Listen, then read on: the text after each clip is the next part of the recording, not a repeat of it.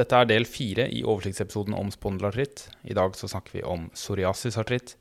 Med meg har jeg fortsatt Maria Skeie Meltveit, sykehjemslege i Stavanger. God lytting. Eh, I likhet med, med alle former for spondylartritt så kan psoriasisartritt gi både eh, aksiale og eh, perifere artikulære manifestasjoner. Og ved aksialspondylartritt, som vi snakket om i forrige episode, så er det jo de aksiale plagene som dominerer.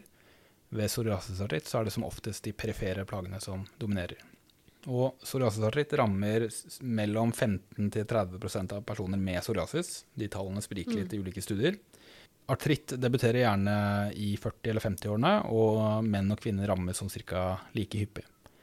Og så er det noen studier som har prøvd å finne ut hvem med psoriasis er det som har særlig risiko for å utvikle psoriasisartritt. Og eh, noen av de faktorene som er nevnt i ulike studier, er eh, de med alvorlig psoriasis, de med hodebunnspsoriasis, de med invers psoriasis, altså i hudfolder og sånn glutealfolden, og de med neglesoriasis. Og neglesoriasis er særlig assosiert med dippleddsartritt ved psoriasisartritt. Og sammenhengen mellom neglesoriasis og dippleddsartritt eh, kan jo kanskje være den entese som finnes eh, for ekstensorscenen til fingrene, som festes rett i nærheten av både neglebåndet og dippleddet. Uh, mm. Så man kan jo se for seg, i hvert fall i mitt hode, at, virker det plausibelt at en inflammasjon der kan på en måte gi resultere i egentlig begge de konsekvensene. Da. Altså mm. Det blir påvirkning av negleutviklingen, eller, altså påvirker neglen, og også at det kan spre seg inn i dippleddet eventuelt. Og uh, den typiske presentasjonen for psoriasisartritt, så er det sånn at psoriasis og de artikulære manifestasjonene kan uh, oppstå samtidig, eller de kan oppstå etter hverandre. Og hos ca. 75% så oppstår psoriasis før artritt, og da gjennomsnittlig 7-10 år før mm. artritten kommer. For om lag 15% så oppstår psoriasis og artritt samtidig. Og for de resterende rundt 10% så oppstår artritt før psoriasis. Og særlig den siste gruppen, da, som får artritt før de får psoriasis, de eh, kan jo by på litt diagnostiske utfordringer. Eh, og ofte så vil de pasientene først få en annen diagnose. Eh, F.eks. en udifferensiert spondylartritt eller en perifer spondylartritt, mm. før de etter hvert måte, glir over en psoriasis-artritt-diagnose når psoriasis blir mer mm. fremtredende eller blir, kommer til. da. Eh, og så er det jo i den sammenhengen viktig å understreke at det er jo noen personer som har en ikke-erkjent psoriasis, eh, fordi enten den er på steder som er vanskelig å se selv, eller at det har vært så beskjedent at de på en måte ikke mm. har egentlig tenkt noe særlig over det. Så hvis man mistenker en spondylartritt-tilstand, så pleier vi alltid å se litt ekstra nøye etter psoriasis. Mm. Så se i hodebunnen, i øreganger, mm. I glutealfolden gjerne også, og eh, på neglene. Eh, og psoriasisartritt kan som sagt gi både perifer og- eller aksialartritt. Preferartritt Periferartritt ses hos nesten 100 av pasientene. Mm. Omtrent 30% har samtidig aksialartritt. Men isolert aksialartritt uten periferartritt er sjelden ved psoriasisartritt. Sannsynligvis da fordi de fleste av de pasientene vil heller diagnostiseres med aksial, eller vil heller bli diagnostisert med aksialspondylartritt med koeksisterende psoriasis mm. fremfor psoriasisartritt. Det, det er noen studier som har sett på forekomsten av ulike artrittmønstre ved psoriasisartritt, og en mye sitert studie er norsk, fra Bergen, publisert i 2005. Førsteforfatter er Tor Magne Madland, som er eh, din onkel, er det ikke? Yes, det stemmer. Ja. Så det er jo veldig fint. Uh, han er jo en uh, nestor i eh, psoriasisartrittverden i Norge. Og eh, hans forskning er mye eh, sitert. Og i denne studien så hadde, så, så de på over 600 pasienter med psoriasisartritt. Og så fant de at polyartritt var det vanligste mønsteret. Det var hos 70 av pasientene ca. Oligoartritt, altså det typiske spondylartrittmønsteret, var hos ca. 20 Monoartritt var hos 6 eh, eh, mens eh, rundt 3 hadde isolert aksial affeksjon, altså mm. uten perifere, artritt. Og polartritt ved psoriasisartritt rammer ofte små ledd i hender og føtter. Og utbredelsen kan være symmetrisk eller asymmetrisk. Og som sagt så er det dette med dippledsaffeksjon som er eh, karakteristisk, og som ikke ses ved RA, eh, som er på en måte viktig for å prøve å skille mm. de to tilstandene fra hverandre. Så dippledsartritt vil alltid lede mistanke mot eh, psoriasisartritt. Og det er forholdsvis vanlig med erosjoner ved psoriasisartritt, eh, men i likhet med andre former for spondylartritt, så kan altså osteoproliferasjon, altså patologisk benutdannelse, også oppstå. Og når det gjelder disse destruksjonene, eller osteodestruksjonene og erosjonene, så er det eh, en liten andel av personer med psoriasisartritt som får veldig omfattende destruksjoner. Eh, de kan få noe som kalles pencil in cup-deformitet, som er at det blir på en måte en slags resorpsjon av midtfalangen eh, i fingrene. Mm -hmm. Som, ser ut, som blir seende ut som på røntgen at det er en slags blyant som spisses mm. mot en spisser som da er ytterforlangen. Eh, andre kan få veldig omfattende destruksjoner, som, eh, som gjerne omtales som artritis mutilans, eller mutilerende mm. artritt, mm. som blir bare sånn eh, altså, utrolig forandringer i fingrene og veldig eh, funksjonstap, mm. eh, som, som, ses da som en liten gruppe. Når det gjelder sakroilit, entesitt og daktylitt, så ses det hos om lag 30-50% av personene med eh, psoriasisartritt. Uvit er, som vi har tidligere nevnt, eh, mindre vanlig enn ved aksialspondylartritt. Av de med uvit så det, kan det ofte være en bilateral bakre uvit, eh, i motsetning til den klassiske akutte unilaterale fremre uviten som mm. man gjerne ser ved aksialspondylartritt.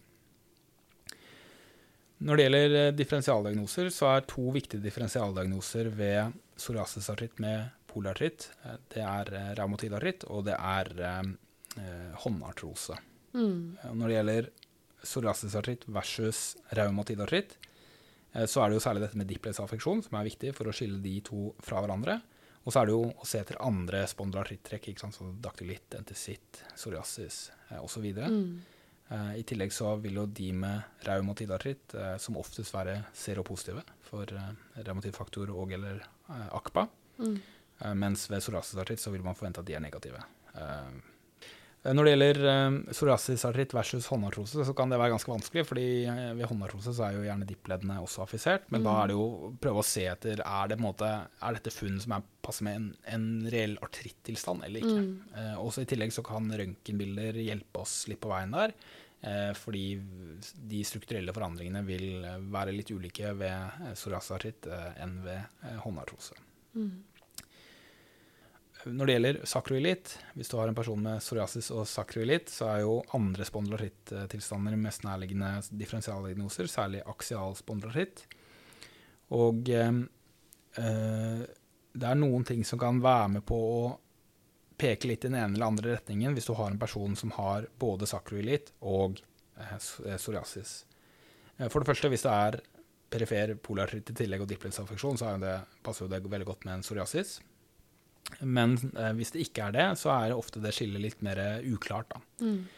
Eh, det er skrevet i læreverk at eh, sakroilliten ved aksialspondylartritt ofte er bilateral, mm. mens sakroilliten ved psoriasisartritt ofte er unilateral. Mm.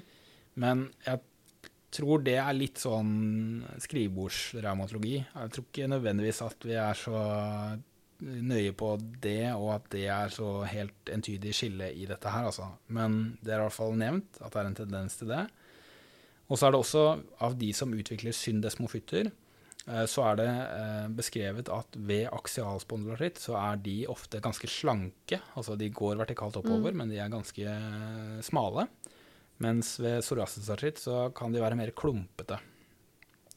Eh, I tillegg så vil de syndosmofyttene ved aksialspondylartritt, av de som utvikler det, da, gjerne eh, hvis du har affisert eh, Eller hvis du har syndosmofytter i mange nivåer, så er det gjerne påfølgende nivåer. Mens ved psoriasisartritt og syndesmofytter så kan det hoppe over nivåer. Så det er på en måte, ok, det er en syndesmofytt mellom L4 og L5. Men så er det ikke ved, mellom L3 og L4, men det er ved L1 og L2 f.eks. Mm. Altså det er litt sånn. I tillegg så er det jo det at Eh, aksialartritt eller sakralitt ved psoriasisartritt kan oppstå senere i livet enn det som vanligvis ses ved um, en aksialspondylartritt. Mm. Så hvis du har en person med psoriasis som utvikler sakroilitt i 50-årene, så er jo det mer nærliggende å tenke at det er en psoriasisartritt mm. eh, enn en aksialspondylartritt.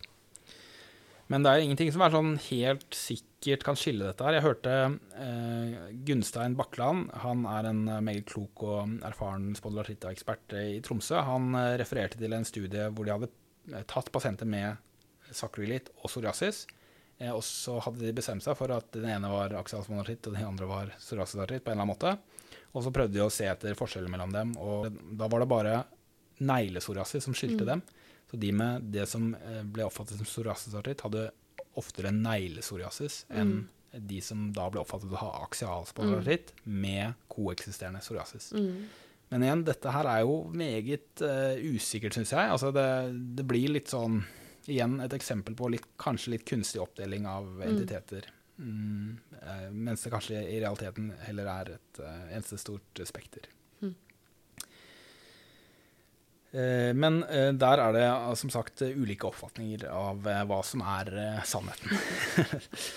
men en vanlig tilnærming er å diagnostisere psoriasisartritt hos pasienter som har både psoriasis og artritt i et mønster som passer med psoriasisartritt, hvor man har ansett andre spa-entiteter og andre differensialdiagnoser som mindre sannsynlige. Da. Mm.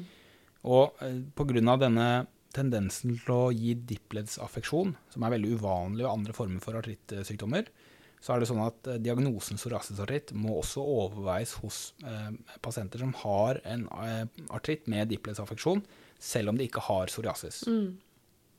Ok, eh, det var det jeg tenkte å si om psoriasis-artritt. Eh, neste episode er om reaktiv artritt. Mm.